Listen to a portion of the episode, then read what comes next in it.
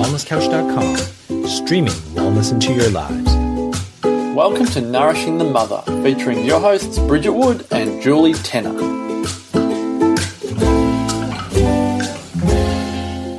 Hello and welcome to Nourishing the Mother.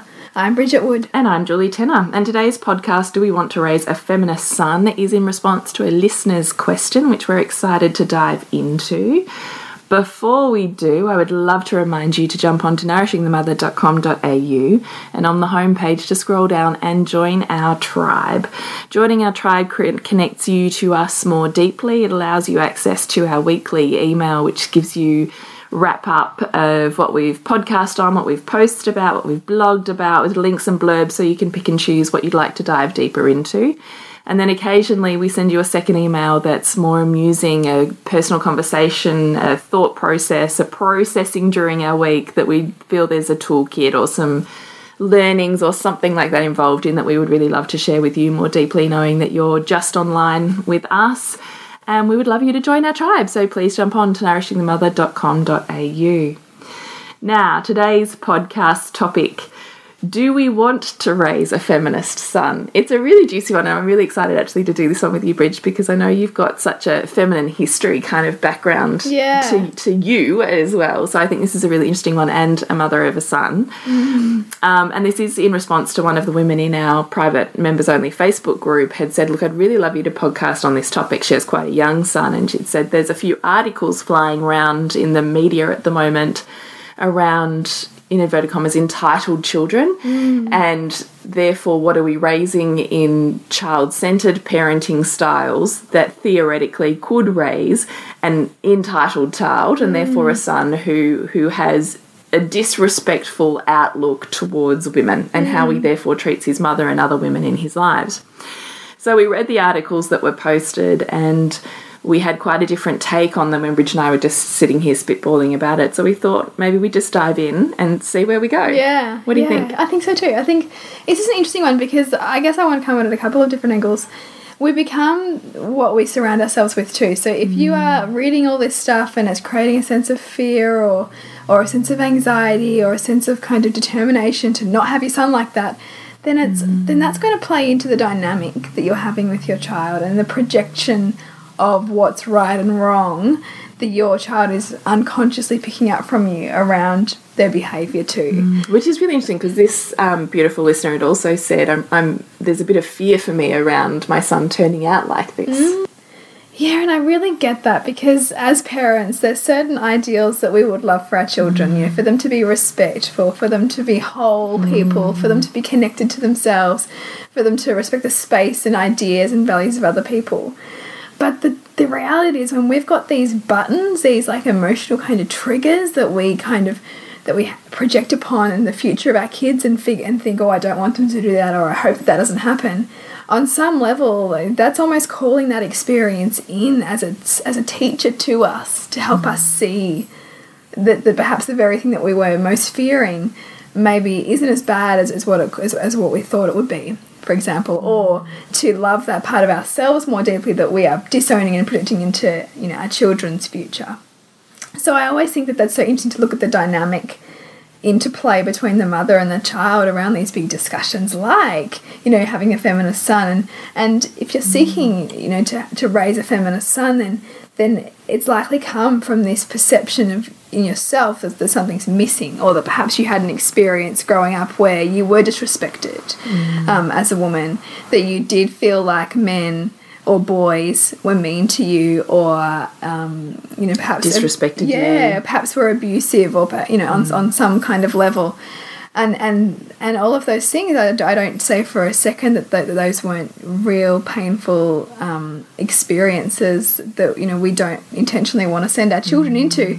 But at the same time those very things that we face also become formative for us. They also become kind of threaded into the fabric of, of who we then go on to become and what we then go on to pursue and and gift to the world through our experience and so to to try and parent from I guess a f- fear which I think a lot of this is too isn't it it's parenting from a fear of something happening so you then want to kind of have the toolkit and have the answers for how you can raise the child that's not that the mm. child that does respect women. How you can step around it. yeah. Yeah, yeah.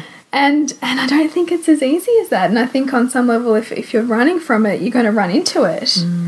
And and so what I would say, that's a kind of one angle. And then the second piece that I would say is, I don't want to raise a feminist son. I want to raise a humanist son and a humanist daughter because I think that that I want my children to. I want to both model for my children um, what it looks like to be a respectful human and to be a um, a person that that looks beyond, you know, what we beyond the kind of the confines of, of image and and and perhaps disablement or, whatever it is to see the true person. And I want that f- for both of my children you know male and female. So and I and I get that the desire to raise a feminist son comes from um, this deep seated um, perception in our world of, of the incredible um, Inequality, really. inequality yeah. for women. Um, and that comes from you know centuries of women being Yeah, disenfranchised yes. you know um, economically in, in every kind of way. And so the desire is for us to raise sons that that really um, see women as empowered and see women as equal and all of those things. But i mean all of that comes from what we model. All of that comes from our conscious and unconscious way we live Mm. and it comes from the level and it comes Hang on. I think there's a step before this. Do you mind if we do? yeah let's let's, let's go there Because what I think I'd like to, to maybe just hash out first is what does it mean to you to be a feminist? And mm. therefore, what does it mean, in its very essence, just the words, to, to be a feminist man? What does that mean? So, one, what is a mm. feminist? Two, what is a feminist man for you? You know, if you had have asked me this five or ten years ago, I would have answered it with such confidence and such self assuredness, perhaps even a level of self righteousness. Mm. But now, as I as I take away, I suppose those those more materialist kind of physical, like you know, grounded in society kind of labels of feminist. And look at more about our integration of, of our own feminine, and our own masculine, and who we are the less I'm sure of what that means in an abstract way, if you know what I mm. mean. No, So- I really do. I just really wanted to hash it out. I was interested. yeah, because now I mean, I think it's, you know, it's really about dissolving any kind of Label? label and mm. genderedness, you know, around capa capacity and around um, ability to serve the world and ability to show up in the world. I mean, to me, it's that there shouldn't even be the need for the for the label, you know, and Except that I, I would imagine most feminists would argue there's a level of inequality which which needs to be pointed out and pursued. Would you agree with that? Um, yes, but I also I also think we've got to we've got to tread carefully because if we it's like that whole glass ceiling thing. If if your daughter grows up from a young age constantly seeing that she has less opportunities because that's what her mother keeps on going on about is this inequality and this paid pay disparity and this constant need to fight for what's not not not um not right, then I, I would argue that you almost begin life on the back foot because you're beginning believing or you're growing up bathed in the bathed in this idea that, that you are lesser than because it's being pointed out to you. And so you're filter, therefore filtering your world Yeah, through to- the lens to, of to see all of the examples of Yeah. to see, to simply see all of the examples of inequality.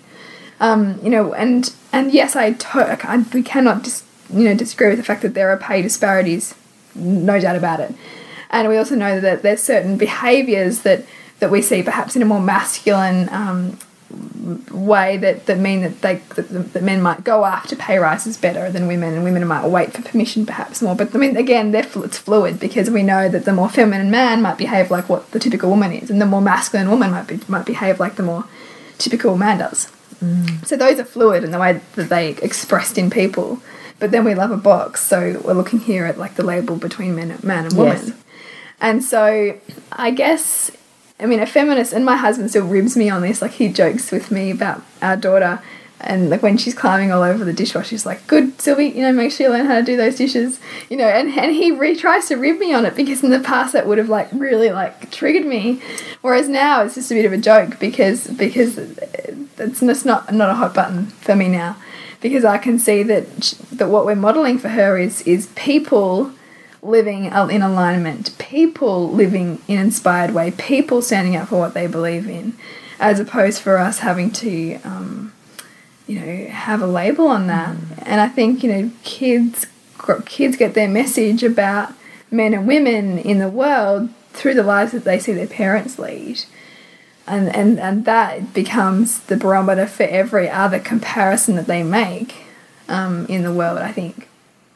No, I agree with you, and I find that really interesting actually because it, it almost comes full circle, doesn't it, back to the point of of doing your own personal development work mm. because how empowered you are as a woman, how fully you sit in your power as a mm. woman, I imagine to some extent dictates the level of security you feel around your womanhood. Yeah. And therefore, the fragility with which you can. Uh, is fragility the right word? I'm not sure. Emotional fragility, maybe, or defensiveness around how much you need to defend being a woman or, or being powerful as a woman, and how much that's just a seated knowing for you. And Yeah. therefore, the way that you teach your sons and your daughters within your home, they're, they're watching, they're learning by watching you, mm, right? Mm. So they're learning by feeling you and they're learning by feeling you in the world. Mm. And they're learning what it is to be a woman and what it is to be a man by feeling you and those closest to them in their natural environment.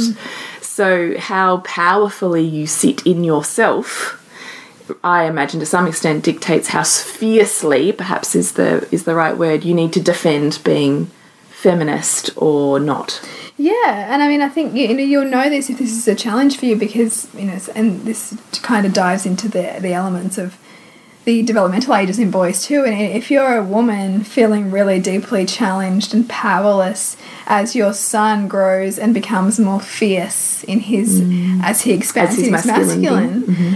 Then, then that's like your that's not like your son's problem behavior that needs to necessarily be dealt with, but rather your own story of powerlessness in relationship to that aggression, masculinity, all of those things. I really love that you brought this up because I actually think this is the crux of the conversation. Yeah, yeah, I do too. Um, and I, you know, I really, yes. So I'm excited now, and I don't. I've lost my train of thought. I don't quite know. I don't quite know where to go here. But I think you're absolutely right. Is that it's as much for our daughters as it is for our sons as they grow and they develop and they go through these influxes of hormones and um, autonomy mm. that that comes with that growth. It really starts to press new boundaries and new buttons for you. Mm. And the fact that they're displaying a behavior, it's not the behavior that's the problem. Mm. It's the fact that you have a problem with that behavior is is kind of hinting at the the sweet spot of soreness or tenderness that's sitting yonder back in your years that's reflected in that, which I actually think is perfect mm. because when you don't have a trigger on this particular behavior, the behavior is no longer a problem, mm. and you able you're able to really move through it quite fluidly. Yeah, It's only a problem that you think you need to fix or change or mediate when you yourself have not yet healed from you know the mirror the, the mirrored experience Yeah. for you that Yeah. sits further back. Mm. Do you? So you, I know, had a direct experience of this yesterday. So maybe we'll talk about a few, Yeah. you know, like stories, and then see where we're at. yeah, Do sure. think? yeah, I, uh, as we were hashing out this this theme before we started recording, I was like, "Yeah, I've got a scratch right here. Do you want to see it?" because my son is four and a half and has big, big feelings. You know, he's really coming into that that ma- development of his masculine. He is, I know, going through a testosterone surge. So what do you say when we say? I think we need to be less vague. So when you say Sure. he's, you're seeing a surge of him coming into his masculine, I'm seeing it physically and I'm seeing it emotionally and mentally. So physically in the way his body is changing. I'm seeing it. I'm seeing it mentally in terms of how he's constantly wanting to be the winner. He's wanting to be first. He's really wanting to look at competition. He's got a real competition kind of drive going on. He's, he's role playing superheroes a lot. Yeah. Um, goodies and baddies. Um, just a lot of that real kind of um, boyish, you know, behavior and and at the same time, I mean, emotionally, he's he's fi- he's finding the edges of like uncontrollable anger. You know, anger where he's trembling, and anger where I can see he doesn't know what to do with. And so those to me are like hallmarks of really coming into this this surge of of um, not only the hormones but the development, and then I look at you know the, the psycho spiritual kind of development of of you know the coming of age too. Mm-hmm. So it's happening in, in lots of different ways for him, and, and I can see that he he's probably loving it, but also really not knowing what to do with it at the same time. Mm-hmm. And of course, then that's reflected back to me and, and, and my own like kind of capacity to hold that for him and, and make those things okay. What does that mean to you to hold that for him and make those things okay? Is to really play it out with him, you know, like sit with okay my initial reactions to how some of the things. As I even heard myself this morning, like saying to him, "Doesn't always have to be competition. Like, what if what if you don't have to win? You know." That's such a feminine thing to say. yeah, you know. And then I'm thinking, what It do I doesn't have to be winners. yeah. and I'm like, why don't You can just have an equal society. Universal income for all. I read that somewhere today. Um, and so you know, and I was thinking, yeah, but just just go with it, right? Like so then I then I told myself, no, just just be what he needs you to be to play this out. You know, and so I sat more back in that and let let him kind of drive the, the play and whatever we were doing. so you were the loser, he was the winner. Yeah, pretty much. Yeah, yeah. yeah. and he like caught the ball way way more many times than I did. Yeah, yeah. and way better. And like he always gets in the bath first, so he's never allowed in the bath first. Yeah, you know, and that's yeah. also the sibling dynamic coming into it too. Um, so that's kind of one aspect, and and the other piece. I mean, there's just there's so much interesting stuff going on um, with him at this age, compounded by the fact that he's got you know a one year old sister who's now infringing on his space too, and and so he's staking more claim onto what's his as well. But I find it so interesting to to look at his him and his development, his behavior and his personality expanding, and then noticing within myself my own beliefs and judgments and triggers around that, and trying to find the find the space in between those two things, because that's where like the beauty is, and that's where we I think really allow our kids to become their whole selves when we can sit as much as possible in the space in between who they are and how we feel about who they are or who what they're displaying. Have you got a, a more tangible um, experience of that? Pro- Probably the scratching incident. yes. Can you talk us through that a bit more? Yeah, yeah. So, um, So the space in between. yeah, the space. in What was that for you yesterday? Well, it really, I mean, it all came about. I mean, I think it's like that broken again, the broken cookie, right? So he wanted these clusters, these cereal cluster things, which just I just think are so full of sugar, and I don't want him having them every day. So I set the limit. No, you're not having those. And then we just had this big misunderstanding, and and had this basically this kind of I was trying to be firm about something, and he was not having it. So he was grabbing stuff and throwing it off the bench, and and I just kept kind of holding the limit to the point at which we were kind of then down on the ground and he was trying to I was trying to kind of physically hold him just to trying to help him kind of Because he was getting a bit he was wild. getting wild Yeah. Um, and then he like pushed me away with his fierceness and anger like an animal in his face and he just he like lashed out and scratched scratched my face just as, as, as a way to try and get me away from him and I really checked in with myself and I thought, wow, like, yeah, I'm still here. Like, I'm still, I'm not triggered here. I'm, ju- I'm still with this. I'm still holding this. And that to me is the space in between. That, that to me is, is the ability to, to be with their, their experience in such a way that I'm not triggered and called to pa- have a power, a power thing with him. You know, that I'm not triggered so much that I am kind of in there with him in the mess of it called into my kind of animal state. Mm. I was I was almost like the the safe harbor for him in that. And believe me, I am not always. And there are some and there are some things that I get go from zero to like a hundred in a split second, and they're my triggers I got to work on in different scenarios than mm, this. Mm. But this is the one scenario that when I can go, okay, I can see he needs to release here. He's got some lots of stuff going on. I'm going to just hold this for him and be kind of the space that he can crash against As opposed to.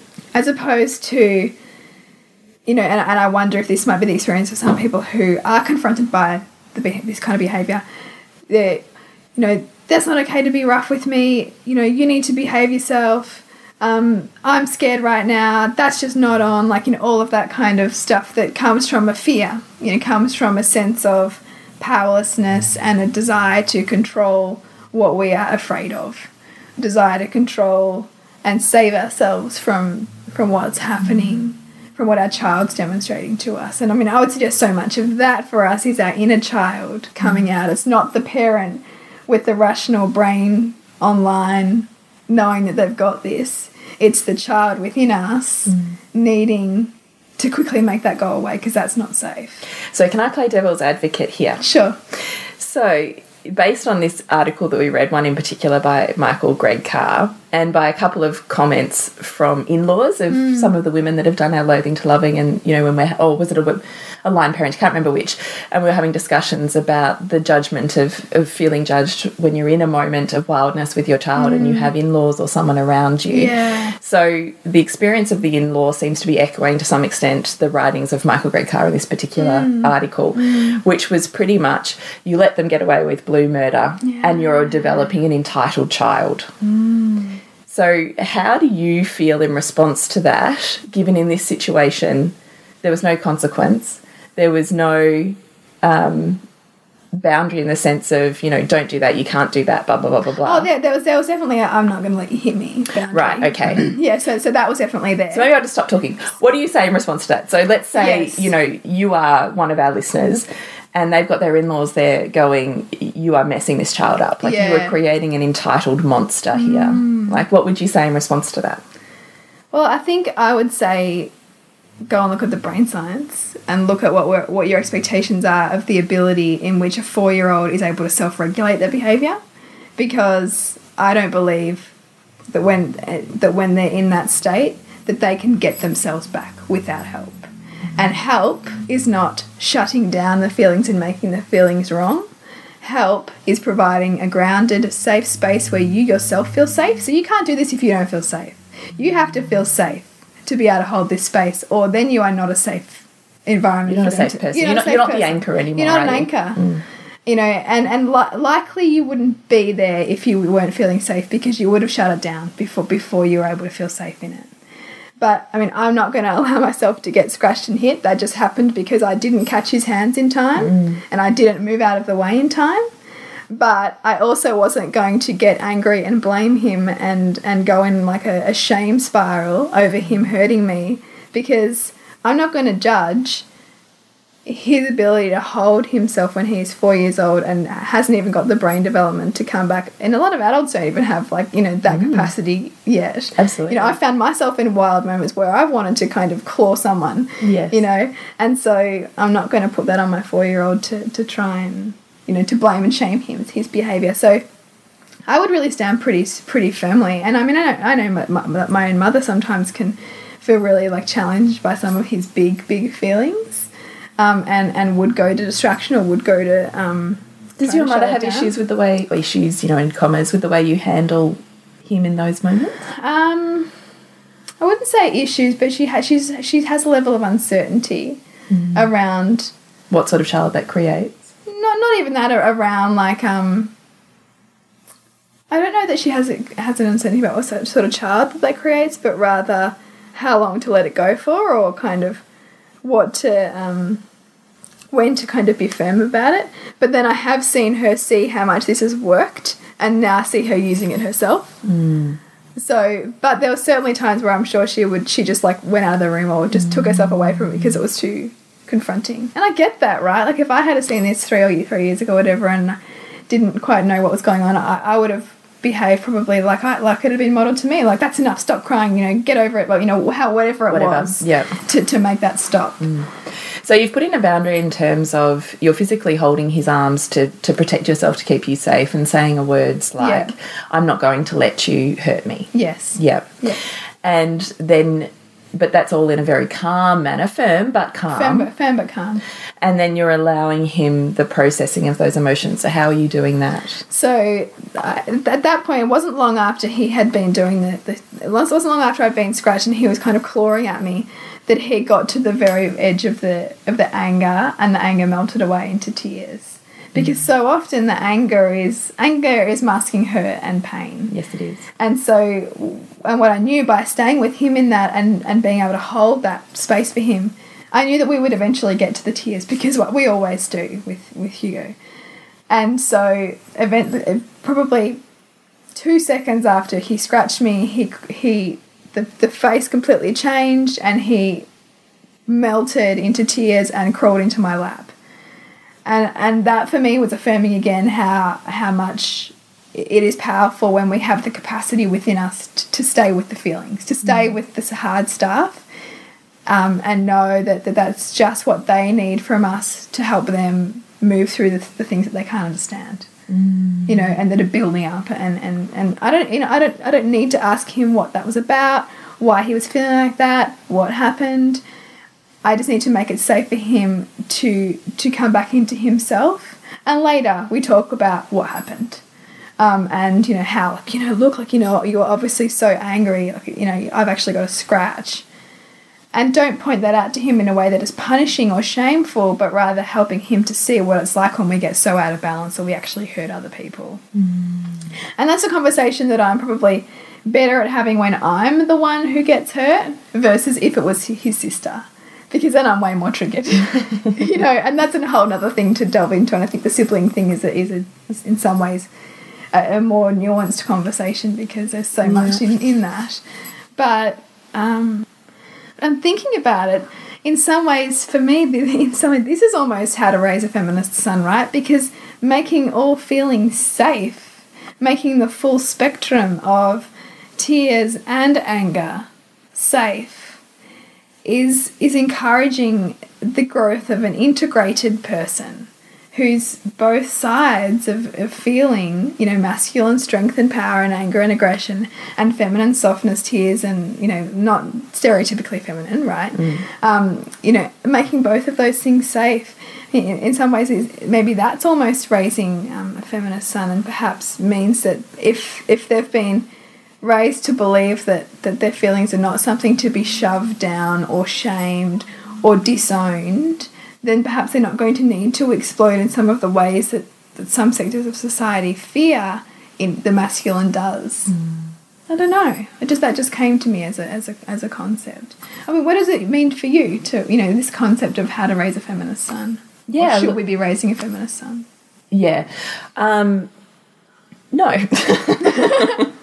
because I totally agree with you. I actually love what you what you said about raising humanist children mm. or people because I actually think that is that is the absolutely what we should be aiming for in any of our parenting goals mm, you know mm. should be how do we actually get to, to that point where we have these beautiful integrated souls who honor the masculine as much as they honor the feminine yeah. because when we're really seeking to make our boys see women and see their power and respect women and you know hold them up on a pedestal or that women can do things better than men or whatever the case yeah. may be at the same time as having those conversations, we're um, degrading the masculine. We're absolutely cutting it off um, at the balls, if you like, and Yeah. saying there's so much about the masculine that's wrong. And the more we make the masculine wrong, the more the shadow side of the masculine needs to rear its head, Yeah, right? So it's kind of for me, it's it's you know, and we've spoken about before, and one of our listeners had said, I'd loved in the podcast, The Challenge of Our Gender, we kind of touched on this in raising our mm, children. Mm. Was how do we raise boys that love their masculine as much as they mm. love their feminine and therefore can filter that out into this world? Mm. Because the more they love what's within them, the more they can love what's outside of them. Mm. Is only, you know, creating issues um, internally if they have issues with with themselves internally, Yeah, right? and Which is what. You're love that. pointing at in your end comment there. that- Yeah. That's it. I mean, and I think that that's ev- that's everything, right? Like you know, we only struggle with our outer world to the extent that which we're struggling with reconciling that within us. Yes, yes. So when I think about my son, um, you know, and I've been to so many over the years, so many raising boys seminars, and I think I've seen Steve Biddulph maybe three times. Yeah. and I've probably I've read his book too, yeah. twice. um, you know, and there's quite a number kind of floating around that I've certainly visited as well. Um, and I kind of think there's bits and pieces I've taken from them. So Steve Biddulph really does talk about in Raising Boys the role of the father really Yeah. stepping up at this time. Yeah. So you know, pre four, it's very much mother centered, and then Mm. post four, dad definitely, or whoever is the male role model within your family unit Mm. or extended family unit, needs to take a much stronger role um, in stepping up into that. Mm. So he does make a point of in these moments when um, a son has um, physically hurt his mother, that it is the father's role to step up and say that is not okay Yeah. yeah. that he's role modeling respect for the feminine or for the, the woman within that household by stepping up in that. So you know, in those situations, um, and look, I've certainly had those situations with my son as well over the years. And so the way that we've gone about that is that then my husband and I have an open dialogue about that after I've handled my son in probably a very similar way to what you have. I will ring my husband and just kind of go, look, Blur, here's what's happened. So when you get home tonight, you know, we need to, this is on your radar, we need to talk about this. So he walks in prepared and ready Yeah. to have those conversations.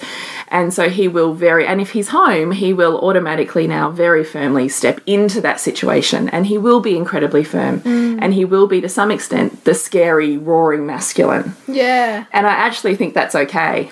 And my husband's been stepping into that space a bit more too now, and I've been sitting with how I feel about that because my son. Mm. do you feel well, about my that? Mm. son's struggling with it a bit. Like you know, he's he, a couple of times. It's another side of dad, Yeah, right? it's another side of dad, and- seeing the soft side of dad. He's so used to the soft side, and just today and another day, he's he's had some really big sad feelings about it and Mm. grumpiness. Like I don't, what Daddy just said was mean. I didn't like what Daddy said, and I Mm. said, and I was like, yeah, you know, it can it can be hard, kind of. But Daddy was feeling really angry. And this He is a was feeling equilibrating that dad too. Yeah, Yeah. yeah. So, so it's interesting to see how they can then respond Mm. to that. Um, because my husband was the same about seeing this, Steve Biddulph thing, and he's that's one thing that he really took from that. Yeah. And I mean, even today, and it can work in various ways. Like Yes. Mar- Marcus always says, he calls everyone like you know me and Hugo and Sylvie like beautiful, and so and him Marcus makes a lot of of a point around using that language around me. And so Hugo today was like, "Oh, Daddy, why is Mum? Why do you always call Mum beautiful Bridge?" And like that was a great opportunity for Marcus then speak about me and my role as as you know his partner and and Hugo's mum and you know. Th- these are all the conversations and the modelling behaviours that, that, that, that get imprinted Yes. as well, which I, which in this It case I love. Yeah, it is. Absolutely. But it's totally that. Mm. Yeah. And it's, again, seeing the full spectrum of what the masculine is. Yeah. The masculine is fierce as much as it is gentle and loving. Same as the feminine is Mm. Yeah. fierce and scary as much as it is gentle and loving. Like, both don't get into this thing that the feminine is just soft and floppy and the masculine is hard and scary. and I mean, and those are the most basic of stereotypes. but not even accurate, But right? Yeah, no. Because they're both. Yes. You look at any god or goddess or, you They know, spectrum in family sides. in family time, ugh, in history, and you will see that there's goddesses of, you know, death and there's Yeah. goddesses of birth. And the same for the masculine because we're both. So the fact that they get to see both is actually what allows them the opportunity to equilibrate both and bring Mm-hmm. both in rather than needing to shut the door on one and make it wrong and therefore we're dealing with the shadow aspects of Yeah, that. yeah. So, you know, um, so back on raising a feminist son. So I think it is all of those things. I think it is is what we role model ourselves. Mm. It's the relationship and the conversations that we allow them to see and witness, the way in which we speak to each other, my husband and I, your husband and mm. you, and the way in which they uh, learn what a functional relationship looks, like. Mm. And how we handle maybe anger, how we handle um, you know things we're not happy about with each other and how we actually integrate both of those in a conversational way. They learn from all of that. So in raising a feminist son i feel that my job is to display feminine power in a way that feels authentic and aligned with me. So the more rooted within myself i can become the stronger i feel about myself the more I can show up in this world, the more I can express with loving ferocity the full spectrum of who I am, the more he learns and feels and knows the power of the feminine. I don't need to tell him about it. Yeah, yeah. I don't need to to say to him this is what you should do and this is what you shouldn't do mm. because him and I are in a soupy dynamic where he vicariously learns that. Now he is also now in a family where he has three sisters. Mm. So he learns vicariously through his sisters as well. He learns through the way that they interact. He learns constantly when we're having, you know, sibling, you know, issues and rivalry and all of that. I will make the point of pointing out, can you see can you see in your sister the effect of what you have done has had on her? What what do you see? Mm, mm. Because the masculine can tend to want to, you know, win, annihilate, and poof, just sh- shoot Yeah, past it. So this is part of that breeding empathy thing, right?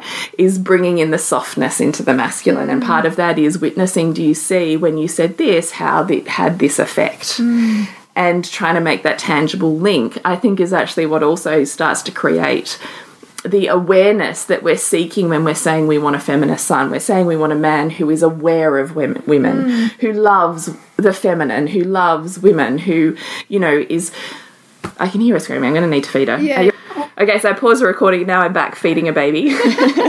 And she's making the most sweetest little sounds. sorry, I'd stretched her a little bit till like I was like, sorry, Bridge, I have to go get her. Um, okay, so now I'm in a calmer space. I can get back on topic. Get back on topic, Julie. Okay, raising a masculine son. Uh, no, feminist son who is masculine. See, my brain's not even working. Um, so that's actually what I think we mean when we're saying we want a feminist son. To some extent, we're saying we want this new agey kind of man, right? Yeah. This awakened masculine version of masculinity who is able to stand firm and strong in their masculine and be all of the things we want a man to be, but also to be able to show up emotionally to recognize women, to validate who we are, to validate what we do, to not look down upon, you know, house duties or, you know, whatever the case may be. We're saying we want a man who really sees us. Mm. And the masculine is really able to do that when we're really able to do that. Mm. So, do I have to say to my son, yeah, I work and yes, I'm worth something? Mm. Or does he automatically see that because I'm sitting very integrated in that sense of worth and that that is reflected by his dad? I don't need to say it to him. It's that question is, is it that whole thing, do you fight for it or do you embody it? Oh, that's perfect. I love that sentence. It is absolutely that. So, um, raising a feminist son for me is, is absolutely getting comfortable with all sides of feminine and masculine and really teaching them how to handle themselves in conflict and in communication. Oop, that was a bit much milk, wasn't it? Um, yeah. Sorry, everyone. um, so Oh man, I'm now I'm completely losing my my train of thought. Bridge, get me back on. It's because you're so enveloped in the, the feminine now because you're feeding your darling It is, daughter. yeah. I think I think it's really around for you. What are the what are the pinnacle conversations that you go back to, or the pinnacle values that you go back to? To now that you know, particularly you have a son who is is going through the raging hormones of the Yeah, yeah, yeah. Yeah. who is first, who is for, probably for the first time really identifying Yes, okay. himself and also his relationship, who he sees himself as in relationship to women. Yes. So what I've noticed is the more I love his masculine, which is what you're saying when you're saying um, when you're witnessing your son um, display very masculine traits, the more I love the display of that, the less it's an issue. Yeah, well, yeah, 'cause- because the more you can recognize the beauty of it, Yes. and the perfection of it, Yes. the less you're feeling bristled by it. Yes. So, like the competitiveness, I've spoken about this many times. It just gets, you know, it just stacks. It all just stacks one on top of the other. Um, so we muck around with the competitiveness. You know, I absolutely rib him now about it. So we kind of, I guess, trash talk a little bit Yeah, about it. yeah. And being able to make light of it kind of allows you the opportunity to touch on um, perhaps the topic we're talking about is, you know, how do you not become so pumping yourself up that you're this, you know, epitomized. Entitled. Yes Yeah. Yeah. is I think for men it's a, it's a they really work incredibly well with not so much the deep and meaningful eye contact conversation, but they work really well with a bit of humor, with a bit Mm. of play around it. So with our younger boys, we can play around it, right? Which is what you're saying. Yeah. As they get older, that play develops more into you know playing the sport they're into, into ribbing them when you're playing it with them, you Mm. know, into these kind of I guess more teenage esque kind of you know conversations that that really allow you just to enjoy them. I think it's the enjoyment of it. The masculine doesn't need to be taken down a peg or two. It just needs to be loved and welcomed. Yeah. And how do you love and welcome someone that you bristle to? You look at why you're bristling to it.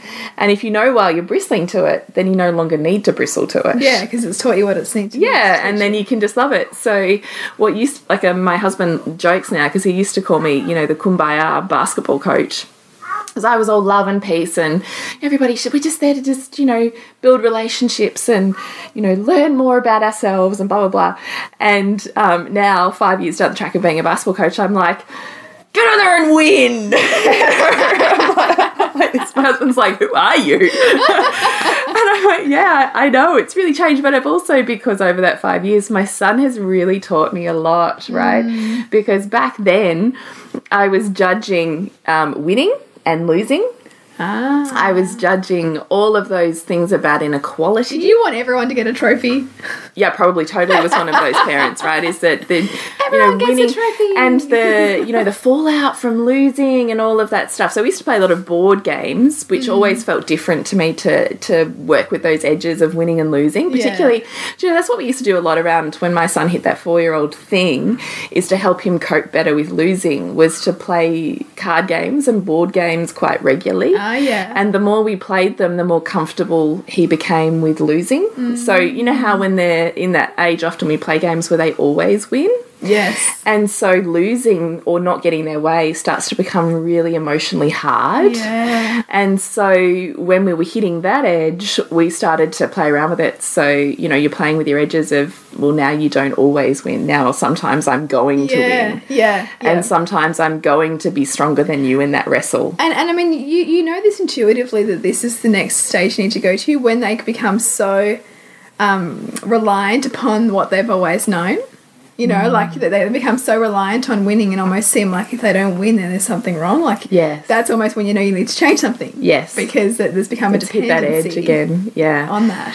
So I think loving the masculine is loving all of those parts because there's so much that's just delightful about it. So the competitiveness also turns into the ferocity of the masculine that wants to protect the feminine.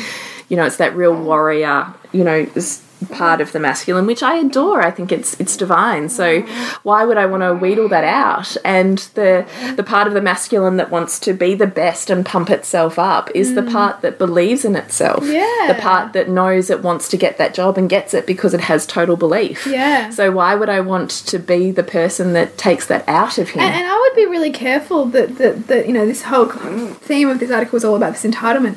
Be careful that you don't crush spirit, yes. you know, in your desire not to raise an entitled child. Yes. Yeah. Because there is a way to ensure that a child grows up with a responsibility yes.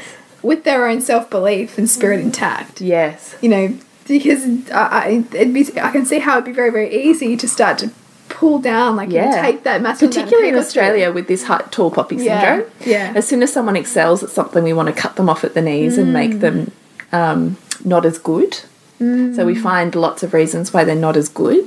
Mm. So this is a conversation we have a, a, a lot of because now my son's hit an age where they're you know in that teenage years and they're all trying to work that out. It's a bit like the hen's pecking order in the playground, Yeah, you know. yeah. And um, uh, you know, then he sometimes brings that behaviour home, as he did, you know, the other, I think it was only yesterday with his sister. So she'd gone, they were both shooting hoops together, and she'd said, Oh, I think maybe I'm, you know, I'm like best or second best on my team at the moment. And Heath's automatically just cut her down. Mm. And so then she had this big emotional reaction, and we came out and had a conversation about it because at school, that's what's happening. They pump themselves up, and then someone brings them down. So I can see the mm. purpose in it in terms of equilibrating themselves, and that that's a play with that. But at the same time, there's an edge to it that that you can work around. That we can celebrate other people without it mm. meaning that you are less. Yes. So that's a conversation we constantly have is just because someone else is amazing doesn't mean that you are not as amazing. Mm. And that in fact strength is celebrating that as opposed to not. And you know that mm. applies to this topic with feminine and masculine. I mean, those are conversations that can begin early and continue throughout their whole childhood. I mean, we've just started that around Hugo being amazing at Lego and like you know super super fantastic at it, but can't really catch a ball. You know, and mm. so so this is the thing. Every single kid has some Yes. kind of genius, Absolutely. and no one's genius is better than anybody else's. No. and it's all about. And so we're practicing looking for it in other people. Yes. like, you know, well, you know, what's what's like your job, Which is great with boys and girls because how Yeah. can would it be, oh, you know, I can't play with girls because they don't, I don't know, play Batman Yeah, as they well. play Batman as or well. Or they, or they, whatever. they don't want to play Lego. Yes, right. Yeah. Yeah. Mm. So it's the same conversation though, isn't it? yeah. Is is how do you so how are you having that conversation with Hugo at the They're moment? talking about, oh, you know, so so you, you really love Lego and Batman, but what does like Alice really love? Oh, she just likes princesses. Oh, okay. you know, so, so and this is this is the thing, right? It's, it's a very like, oh, that's just girlish. Yeah, yeah, yeah. Kind of kind of thing, which I'm still finding the edge around. Yeah. How to work through that. Yeah. And not make that lesser than. Yeah. Because I also don't want to force down him his throat stuff he's not interested in. Yeah, yeah. But what I do want him to do is is begin to recognise that other people have different interests that are no less important than his own. Which I mean, even as adults, a lot of us struggle with. So like, it's it's a constant conversation. But just to have the awareness, Yeah. though, like we don't always get it, but having the awareness that we don't get it is actually the whole point, That's though, right. isn't it? Yeah. So, and that's perfect for this conversation of raising a feminist son. Is how does how does the masculine love the feminine? Well, it's because you can start to see values at play. You Mm. can start to see how loving that particular thing serves this particular girl or Yeah, woman. yeah. How that creates within them who they are and the genius they have, Mm. and so that's no less than your. You know, so this is all stacking layer upon layer of conversation over the years of development around loving the spectrum within Mm. everyone that you see around you, which then in turn allows you to love that within yourself. I think this is all the same conversation. Mm. It is. Ultimately, isn't it? It's love of self. It is love of self. And in your kids, just enjoy it. Like, I kind of think, yeah, you know, we've hit so many edges. And I think I'd said to you on many podcasts before, they hit it at four, they hit it at eight or nine. Um, we're kind of starting to hit an edge again now, I think, as he's headed towards 12. So that 12, 13 think, I, I imagine we'll hit another edge coming up. So stay tuned. And each time you hit it, yeah, it gets hard. Mm. It gets hard because you've never done it before. And you have to face another layer of yourself and your story and your beliefs about the masculine, possibly the way the masculine has treated you in the past that's being reflected through your mm. kids.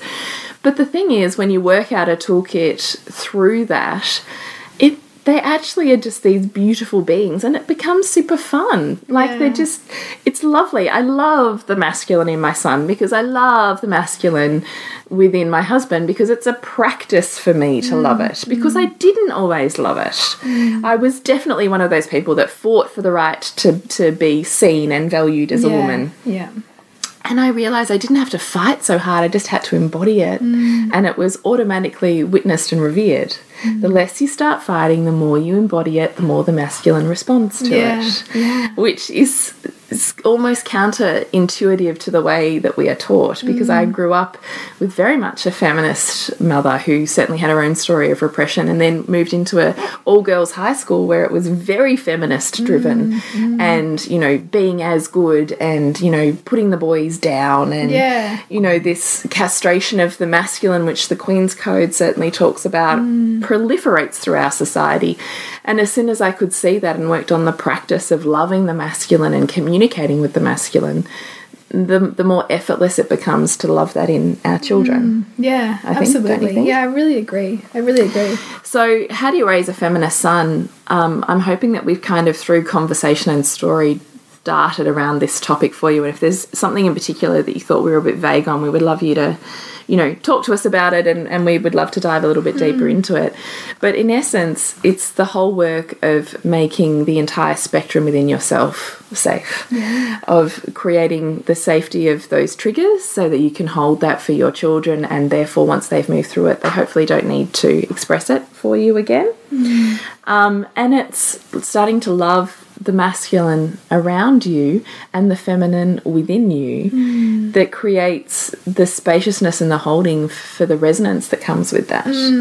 So, yeah, do you have anything you want to add to that?